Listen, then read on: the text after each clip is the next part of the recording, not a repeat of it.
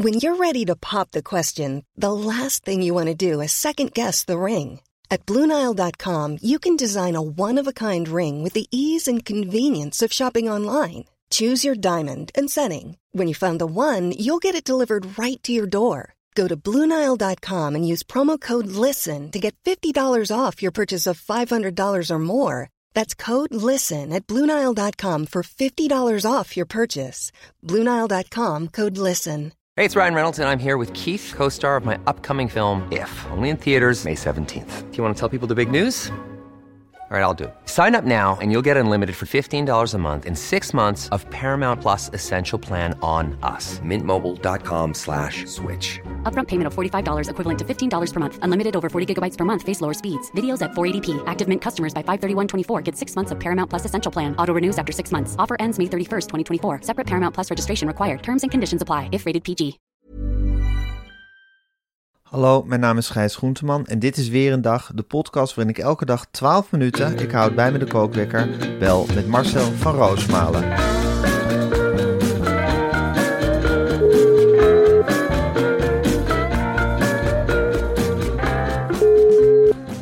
Ja, goedemorgen Marcel. Ja, goedemorgen Gijs. Goedemorgen Marcel. Uh, het einde van de week uh, zijn we bij aanbeland. Het is vrijdagochtend, uh, vroeg. Lange week geweest wat mij betreft. Ehm, ja, dus het einde. Ik snak ook wel een beetje naar het einde. En dan dat weekend, dat is lekker in omgeving van Tinken zijn en ons tv-programma maken. Dat zie ik ook als, als uitrusten eigenlijk ergens. Ik zie dat inmiddels ook het uitrusten. En dan denk ik, ja, dan denk ik tenminste even niet na over de ellende in de wereld. Ik heb me gisteren weer ontzettend druk gemaakt over, over de NS. Dat ik denk, ja, ik heb nog geen rijbewijs. En dat bedrijf dat me werkelijk tart. Dat me werkelijk al jarenlang te laat laat komen op belangrijke momenten. Altijd als je ergens op tijd wil zijn en je stapt in een trein, dan Gaat rijdt hij niet ja. of hij komt niet. En dat presteert het dan om prijsverhogingen te presenteren en kortere treinen en minder vaak rijden. En dan denk ik, wat is dat toch met dat bedrijf? Dat altijd mensen van de meest milieuvriendelijke partij op papier, D66. Ja. Het wordt altijd gerund door D66'ers en die lijken er alles aan te doen om je de auto in te schoppen. Gaat het niet goed schiks, dan wel kwaad schiks.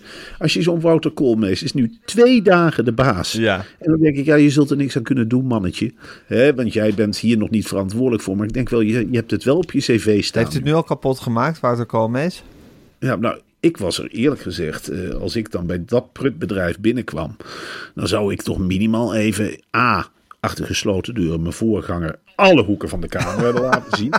Dat kan niet wel van dezelfde partij zijn, maar die hoofd Zou je die krullenbol even helemaal... Helemaal, daar heb ik sowieso al zin in. Even helemaal en pats tegen die muur. En hier nog een schop onder je kont. En nu voor straf met een OV-jaarkaart. Twee jaar door het land reizen. En heel veel plezier. En overal op tijd komen. Drollen vangen dat je er bent. Maar dan zou ik in ieder geval hebben gezegd van ja, mijn naam is Wouter Koolmees. Maar ik gooi me met mijn hele hebben en houden tegen deze prijsverhoging. Want dat kun je de mensen niet maken. Ja, het is echt ongelooflijk dat je bij elk commercieel bedrijf is de klant koning. Ja. Maar bij de NS, ze worden wel commercieel, maar dat is de laatste zorg die ze hebben. De klant. Ze zijn van hoog tot laag daar alleen maar met zichzelf bezig. Dus je bent woedend. En Wouter Koolmees heeft het, heeft, het, heeft het na twee dagen nog niet kunnen keren. Nou, hij heeft dan twee dagen tijd. Ik denk, het zal toch niet, hè? Het zal toch niet. Hij heeft, na twee dagen tijd heeft hij zijn slechtste beslissing al genomen, wat mij betreft. Dit is die prijsverhoging. Ja, dat is die Het prijsverhoging. is wel ja. gortig. Het is wel gortig. Nou goed, Marcel, we gaan het er lang denk ik over hebben. En ook nog over een heleboel andere dingen. Maar we moeten eerst natuurlijk nog over wat anders hebben. Want wat voor een week was dit, hè Marcel? Dit is iets geweldigs Ja. geweest, Gijs. Ik, Waar, eh, waar, waar heb je het over als je zegt dat het geweldig was? Nou, toch wel over, eh, ja, over een bedrijf dat me wel in positieve zin Ja. weet te raken. Precies. En dat van de bron. Ja, van de bron. Eh, we hebben zoveel geleerd over het energienet en over groene energie, hè Marcel, de afgelopen week. Het was zo'n, zo'n, zo'n, we hebben ons gelaafd aan zoveel kennis.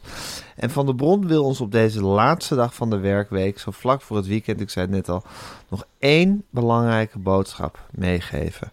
De energiecrisis is namelijk, is namelijk, hoe je het ook wendt of keert, een gevolg van onze, en nu gebruik ik even harde woorden Marcel, verslaving aan fossiele energie. Ja, de verslaving, Gijs. En ik, ik ken verslaving als geen ander, maar dit is een hele, hele lelijke verslaving. En de manier om nieuwe crisis te voorkomen is kiezen, en dan zeg ik echt kiezen, radicaal kiezen voor echt groene stroom. En we hebben geleerd dat als wij fossiel echt helemaal buitenspel willen zetten, we groene stroom 100% van de tijd, dus ook op elk moment van de dag, beschikbaar moeten gaan maken. En dat, dan ook de, en dat is dan ook de missie van Van der Bron. Ja. Door te werken aan oplossingen die ervoor zorgen dat we meer stroom gebruiken op momenten dat er meer groen aanbod Ja. is. Maar ook door groene stroom op te slaan voor momenten dat het er niet is. Halen we fossiel definitief uit ons systeem. En zo zorgen we, samen met Van der Bron, voor 100% groene energie, 100% van de tijd. fossiel debiel. Dat durf ik hier wel te zeggen. Als je dit toch leest. Dit is toch iets fantastisch, Gijs. Eh, dat wij nu de mogelijkheid hebben en dat we het aan de mensen kunnen vertellen van dat die tijd van die vieze, gore fossiele energie- walgelijk. Ik ben er zelf ook aan verslaafd geweest. Dat zeg ik eerlijk. Hoe vaak heb ik niet gezegd van, ach weet je, telefoon is op, opgeladen. Ik laat hem gewoon in stopcontact zitten. Dan ben je toch ook, och wat ben ik weer een zak geweest voor het milieu. Goh, had dan gewoon even gewacht tot je groene piek vol is en huppakee. En dat soort dingen leert Van de Bron me. Dat is Van is een fantastisch bedrijf. Ongelooflijk. Ja, ze hebben me, wat dat betreft hebben ze echt. Ik, ik was al heel milieubewust, maar ze hebben me deze week ook weer zo'n ongelooflijke zet richting die groene energie gegeven.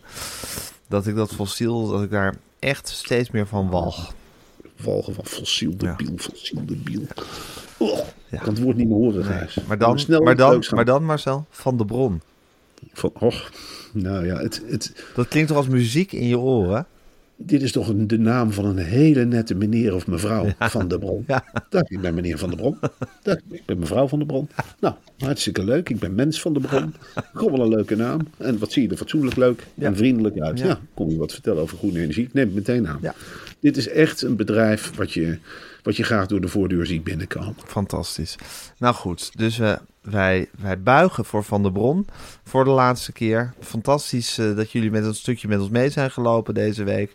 En ik denk dat we nu een hele nieuwe koers inslaan. En dan ga ik nu de kookwekker eh, zetten en hij loopt. Eh, Marcel, het was natuurlijk dus inderdaad een roerige week wat betreft de Nederlandse spoorwegen. En Wouter Koolmees, die daar begonnen is als directeur. Maar er is ook het een en ander gebeurd in het Jeroen Bos ziekenhuis. Ja. eh, waar twee mensen met elkaar op de vuist zijn gegaan. Hè? Ja, Gijs, en dat, eh, eh, dat vindt iedereen maar vreemd. Maar in het Jeroen Bos ziekenhuis, een, ja, een vrij modern ziekenhuis in Den Bosch, Ja. is een 78-jarige vrouw overleden nadat ze is aangevallen door een 81-jarige vrouw. En die is er ook niet goed aan toe. Het is nog niet eh, gelukt om met haar te spreken. En dit is voor mij iets, eh, iets ja, het komt me heel bekend eh, voor. Ik heb natuurlijk zelf een bejaarde moeder. En er wordt altijd maar van uitgegaan dat bejaarden, leg ze maar met z'n zessen op een zaal. Die zoeken het wel uit Ja. met al hun levenservaring. Maar ik kan je zeggen... Alsof het lievertjes zijn, alsof het een soort goede teddybeertjes zijn die je met z'n allen in een bedje kan leggen. Nee, maar dat is niet zo, Gijs. Ik heb met mijn moeder hebben we ook de, de- heel veel operaties gehad. En dan kwam ze bij. En dan zat er bijvoorbeeld... En mijn moeder kan niet tegen smikkelgeluiden. Smikkelde, smikkel, daar houdt ze niet van. En dan lag ze bijvoorbeeld op een kamer eh, bij een meneer. En die kreeg tijdens een bezoekuur 10, 12 kinderen op bezoek... die allemaal friet zaten te eten. Ja, en dan is soms... Dan, dan zei ze, ach jongen... Wil jij er wat van zeggen? Ik kan niet tegen dat geluid. Ik zeg, nou mama, ik weet niet of ik dat durf. Dan ben ik toch naar dat bed gegaan. Ik zeg, meneer eh, en al uw kinderen... eh, mijn moeder heeft wat moeite met het geluid van het friet eten. Ja. Nou, dan doe de oordopjes in en dan krijg je dat. En mensen zijn van elkaar gescheiden op die ziekenhuisafdelingen door vaak niet meer dan een gordijn. En als je dan, ja, mijn moeder zelf heeft ook wel eens onhandig eh, geopereerd. Ik herinner me bijvoorbeeld, ja, dat is een heel treurig verhaal, wat ook een licht komisch aspect heeft. Ja. Eh, er was een vrouw die lag met haar, eh, eh, mijn moeder op de kamer en er moest een been worden geamputeerd. Ja. En, en mijn moeder ging de dag na de operatie, ja, ze was natuurlijk al half dementerend en wat ouder, bij dat bed staan en de hele tijd vragen hoe het met het been was, maar dat was er afgezet. Oh god. Ja, dat, ja, dat zijn allemaal van die pijnlijke Ja. misverstanden die op Die ook grote- zomaar tot een vechtpartij kunnen leiden. Natuurlijk, Ja. als zo'n dochter erbij zit Ja. en die hoort dat, die denkt die vrouw bedoelt het verkeerd of die zit te pesten. Ja. Of mijn moeder, die zei ook, die lag op een zeker moment schuin tegenover een meneer. En ze verdacht die meneer ervan dat hij naar haar lag te kijken. Ik zeg, nou mama, ik weet met 100% zeker dat die meneer naar de muur ligt te kijken. En dan moesten we het gordijn weer dicht doen. En had die meneer geen uitzicht meer. Ik zeg, ligt die meneer dan toch naar mama te kijken? Ja, zo allemaal van dat soort dingen. En er was bijvoorbeeld één raam op de kamer. Ruzie over de Luxoflex. Iemand had de koptelefoon scheef. Gevecht om aandacht van de zuster. Hè? Ja. Dat heb je ook. Tuurlijk. Want, eh, hallo mijn zuster, krijg ik ook nog wat aandacht? Zo ging het dan. En dan kan het ene aan, oudje best uit. wel eens uithalen naar het andere oudje. Oh, en ze kijken elkaar het brood van de dienblad. Ja? Ja, ja, twee sneetjes bruin, één sneetje wit. Ja. En dan is het heb ik sne- twee sneetjes wit. Ja, het is... Ja, ik vind het, Het is een harde wereld ook. Het is een harde wereld. De, gezie- de, de ziekenhuiswereld is helemaal niet zo vriendelijk als het lijkt. Nee, hè? Je hebt, daar- nee joh, je hebt te maken met heel veel overspannen zusters en broeders. Ja. Die zitten met elkaar te koffieluiten en, eh, en dat ze het werk allemaal niet aan kunnen. Ja. Je hebt iedereen drukt tegelijkertijd op drukknoppen als ze naar de wc moeten. Ja, mensen kunnen dat niet bijhouden. Het is daar vaak ongelooflijk warm in ziekenhuizen. Mhm. Het is snel boven de 25 tot 30 graden. Ja. Ook in de winter. Je hebt helemaal geen benul meer. En dat gaat dan stoven en broeien. Het is ook een soort apenrots waar je op zit. Een, apel, een apenrots met gehavende mensen. Ja. Ja, en dan willen ze dus helemaal losgaan. Dus het, dat kan tot dit soort tragische tafereelen leiden. En je ziet Ja. het voor je, bij wijze van spreken. Ik zie dit heel erg voor Ja, me, ja, hoe dit gegaan is. En het kan ook onhandig zijn hè, dat iemand bijvoorbeeld gewoon even aan het bed heeft willen trekken. Of even aan de haren trekken, bij wijze van. Ja. En dan valt iemand van zo'n heel hoog bed. En die kan natuurlijk heel ongelukkig terechtkomen. Of een infuus raakt los. Zeker. Je hebt al snel iemand vermoord hoor in een ziekenhuis. Ja, Ja, Ja. daar hoef je eigenlijk weinig moeite voor te doen. ja, ja de, de, de, de weg naar de dood is heel kort. En kijk, dit vermeldt, dit nieuwsbericht vermeldt ook niet de aanleiding. Misschien lagen die twee vrouwen al, al weken tegenover elkaar zich aan elkaar te ergeren. Ja, zeker. En dat het gewoon eindelijk tot ontlading is gekomen. Ja, Ja. en ik, ja, ik vind het ook wel, ja. Je leest met een zekere vorm van verbijstering. Vrouw van 81 aangehouden voor dood, 78-jarige vrouw. Maar tegelijkertijd denk ik, ja, het is heel natuurlijk. Ja, en we hoeven ook Dat niet te doen alsof bejaarden een soort puur goedaardige lievertjes zijn. Dat zijn gewoon ook hele kwaadaardige agressievelingen tussen. En misschien is het Zeker. gewoon een heel tragische samenloop van omstandigheden geweest. Ondertussen, Ja. Marcel, is de recessie flink om zich heen aan het slaan, heb ik het idee. Ja. Heb je dat ook niet? Het begint echt, het begint echt recessieachtig te voelen, zo langzamerhand. Nou, de gesprekken worden recessieachtig. En het is ook zo van, ja, je wordt door die nieuwsberichten. Hè, vandaag eh, of gisteren het Verenigd Koninkrijk. De, de Bank van Engeland die zegt dat het de ergste recessie ooit wordt. Dus het zo Echt? erg. Het wordt de ergste recessie ooit. Jezus. Ja, in, in Engeland of in de hele wereld. Ja, in het Verenigd Koninkrijk Oké. dan kun je er praat op zeggen dat het hier... Dat het hier dan ook losgaat. Ja, en eh, het was wel zo dat bij andere recessies eh, hadden de mensen het misschien nog slechter. Maar de recessie zal langer duren dan alle recessies hiervoor. Ik kan me mijn laatste recessie eigenlijk helemaal niet herinneren.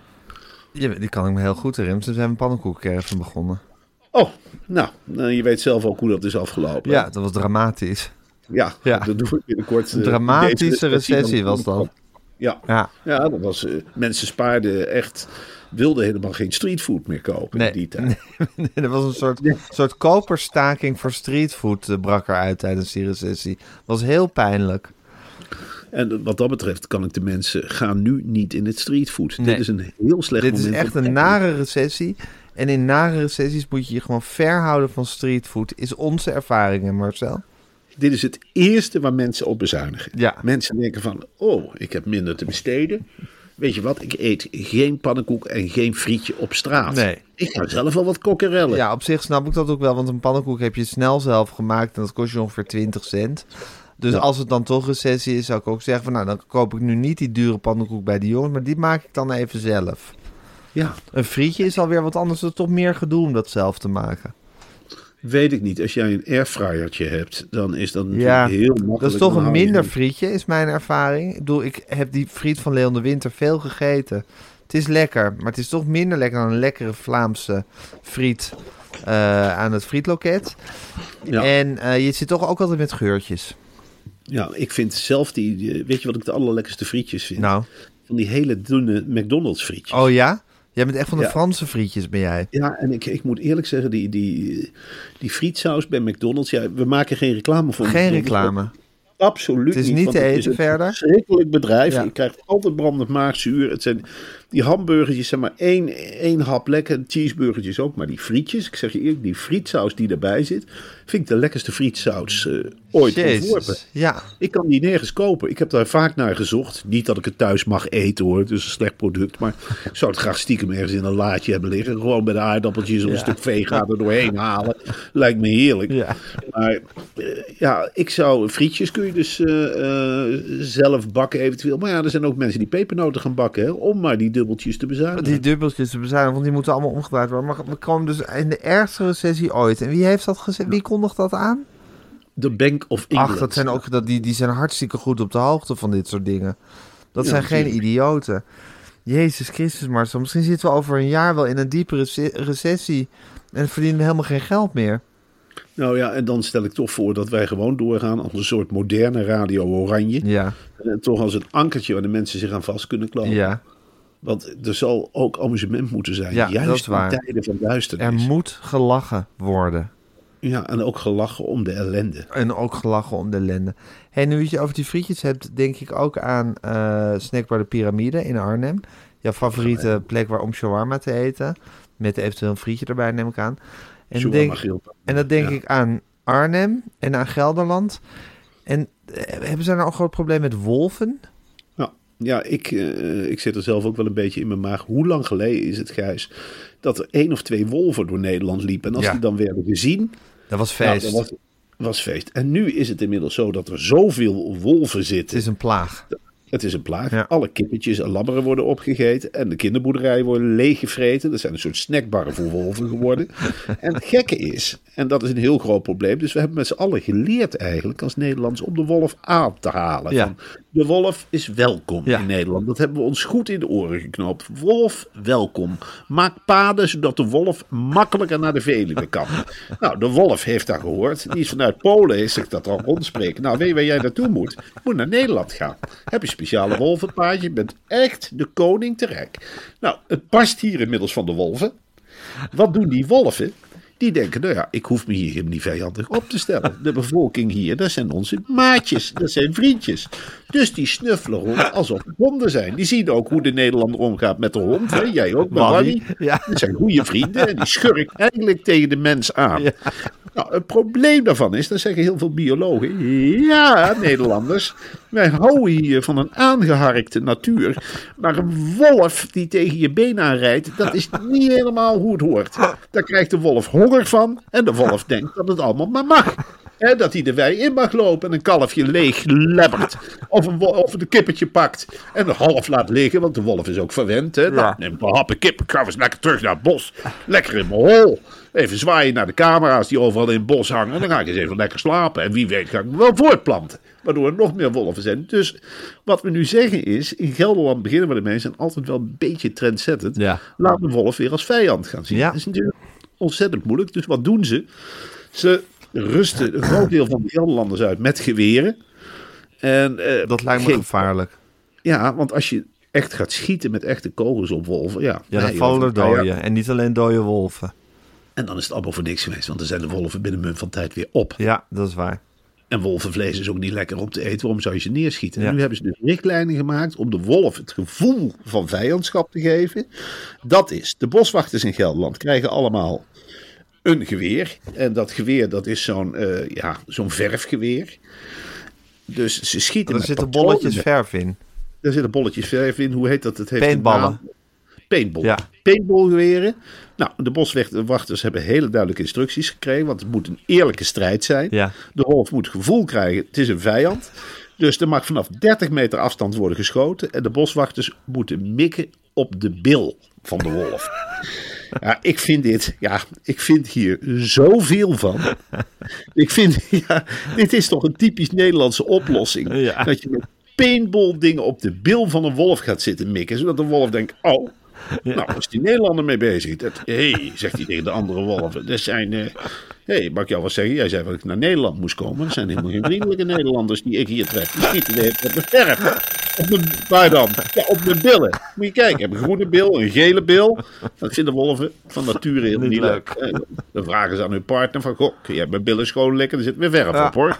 Nederlanders zijn weer bezig. Ik ga geen kippen meer pakken. En dat is het idee Ja. wat erachter zit. Maar ik vind dit tegelijkertijd ook... Ja, waar zijn we in dit land mee Nou ja, ik bezig? heb, eh, wolven zijn natuurlijk grote honden, of ze zijn familie van de honden. En ik moet zeggen dat eh, ik heb met Wally, ik ben met Wally op puppycursus geweest. En Wally heeft de laatste tijd de onhebbelijkheid dat ze, dat ze bijvoorbeeld, als je met haar in een café of een restaurant zit, dan gromt ze naar de ober. En dan blaft ze daar ook naar. En nu Ja. hebben we een soort spuitbus gekocht, die heet de Pet Correct. En dan moet je heel even op haar billen spuiten. En er komt een soort hele harde lucht komt eruit. En Op de billen Op ook. de billen, op het achterwerk van Wally. En dan mag ze niet zien dat jij dat spuit. En het schijnt dat Wally dan, als je dat twee, drie keer gedaan hebt, dat ze dan het niet meer in haar hoofd haalt om te blaffen eh, naar, eh, naar de obers. Misschien is dat met die wolf en die paintball ook dat je, dat, je, dat je blijkbaar via het achterwerk een heel duidelijk signaal kan ge- zeggen van nee wolf, hier zijn we niet van gediend en dit gaat, moet onmiddellijk ophouden. Ja, en dat zit erachter. Dat het, je moet dus bij dieren schijnbaar heel erg op de billen werken. Dat, dat is één ding. Het andere wat erachter zit, is toch ook wel van ja, we hebben de wolf hier uitgenodigd om te komen. Terwijl we allemaal die verhalen kennen. Van de zeven geitjes. Ja. En van groot. Je weet dat het geen lieve dieren zijn. Het is misschien je een mooi weet- dier. Ja, en, en nou wordt die wolf, die moeten we nou in één keer verftabletten op de billen gaan schieten. Ja, ik blijf het, ik blijf het heel aparte natuur vinden in Nederland. Ja, dat is absoluut waar. Hoe is het trouwens met Jan Latte en, en Arnhem? Wil hij nog steeds een metropool maken van Arnhem?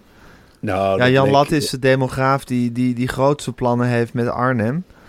Ja, dat is een beetje een dubieuze man, vind ik eerlijk gezegd, die Jan Latten. Hij, eh, hij, hij jut graag mensen op om ze duidelijk te maken dat er te veel mensen binnenkomen.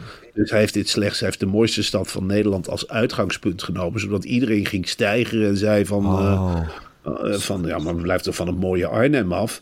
En dan kan hij zeggen van ja, maar dat Ja. krijg je ervan als je hier allemaal mensen uitnodigt. Daar gaan we heen met z'n allen. Nou, want hij had ook een ander voorbeeld kunnen geven waar niemand zich druk over had gemaakt. Als hij had gezegd van nou polder de marken waard in Ja, en stop daar 2 miljoen mensen in, ja. dan, eh, Had, je, ja, had, je, dat- had geen haan ernaar gekraaid.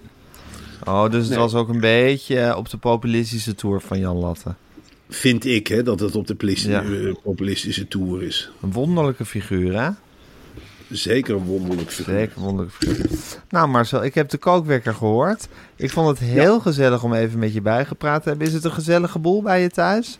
Nou, op de een of andere manier eh, eh, zijn de kinderen al beneden. Ja. Ik heb hier, Het loopt tegen zessen natuurlijk. Ja, die hebben zin. Wij, wij draaien tegenwoordig de dagen om, dus wij beginnen s'morgens eh, met de warme maaltijd. Oh, wat lekker. Dus er staat er een bot, eh, bord andijvie staat er klaar eh, s ochtends. Lea, wat eten we als ontbijt? brood, Heel goed. Ja. ja. Heel goed. kadetjes. Kadetjes. Heerlijk, heerlijk, heerlijk. Maar niet met vlees, hè? Nee, Absoluut niet. Marcel, Kom nou. ga jij lekker naar je prinsesjes toe? Ga lekker kadetjes voor ze smeren. En eh, geniet, geniet hè, van je mooie gezin. Ja, dankjewel, Gijs. En ga jij ook maar lekker naar Ja. je mooie gezin. Ik ga ook genieten van een mooie gezin. Hé hey Marcel, het is nu vrijdag. Morgen zie ik jou. En dan gaan wij in alle vroegte een aflevering opnemen voor Podimo. Daar heb ik altijd heel veel zin in. Ik ook. Podimo is wat mij betreft een absolute aanwinst in, eh, in podcastland. Eh, volgens mij krijg je nog altijd heel veel dagen gratis als je gaat naar eh podimo.com slash weerendag. Dan krijg je als aanbieding, Dan krijg je als aanbieding ja, ongelooflijk veel dagen gratis kijken. En ik ga het even opzoeken, ik geloof 90 of 60 dagen. 30 dagen gratis. 30 dagen 30 gratis. dagen gratis. Podimo.com slash weerendag. En ehm, nou ja, dat is, dat, is, dat is een weergeloze aanbieding. We maken elke week een extra aflevering. En die, ja, dat is toch niet gek wat we daar, eh, wat we daar eh, laten horen, hè, Marcel? Nou, ik zie dit gewoon als mijn eh, morele plicht ook, omdat het land langzaam in de crisis zakt. Ja, Dat je dan denkt van ja, nou goed, alsjeblieft Nederland, pak daar maar een gratis eh, aflevering mee. ja zeker. En eh, geniet ervan. Want het is ook tijd om te genieten. Hé hey Marcel, ik ga de podcast online zetten. Ik spreek je dus morgen eh, voor Podimo. En eh, ik wens je sowieso en alle luisteraars een heel fijn weekend.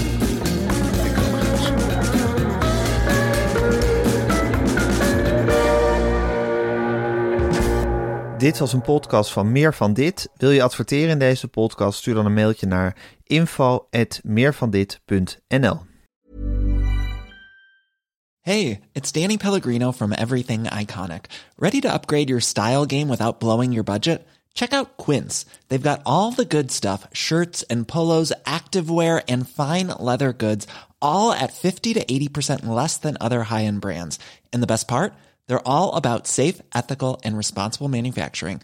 Get that luxury vibe without the luxury price tag. Hit up quince.com slash upgrade for free shipping and 365 day returns on your next order. That's quince.com slash upgrade.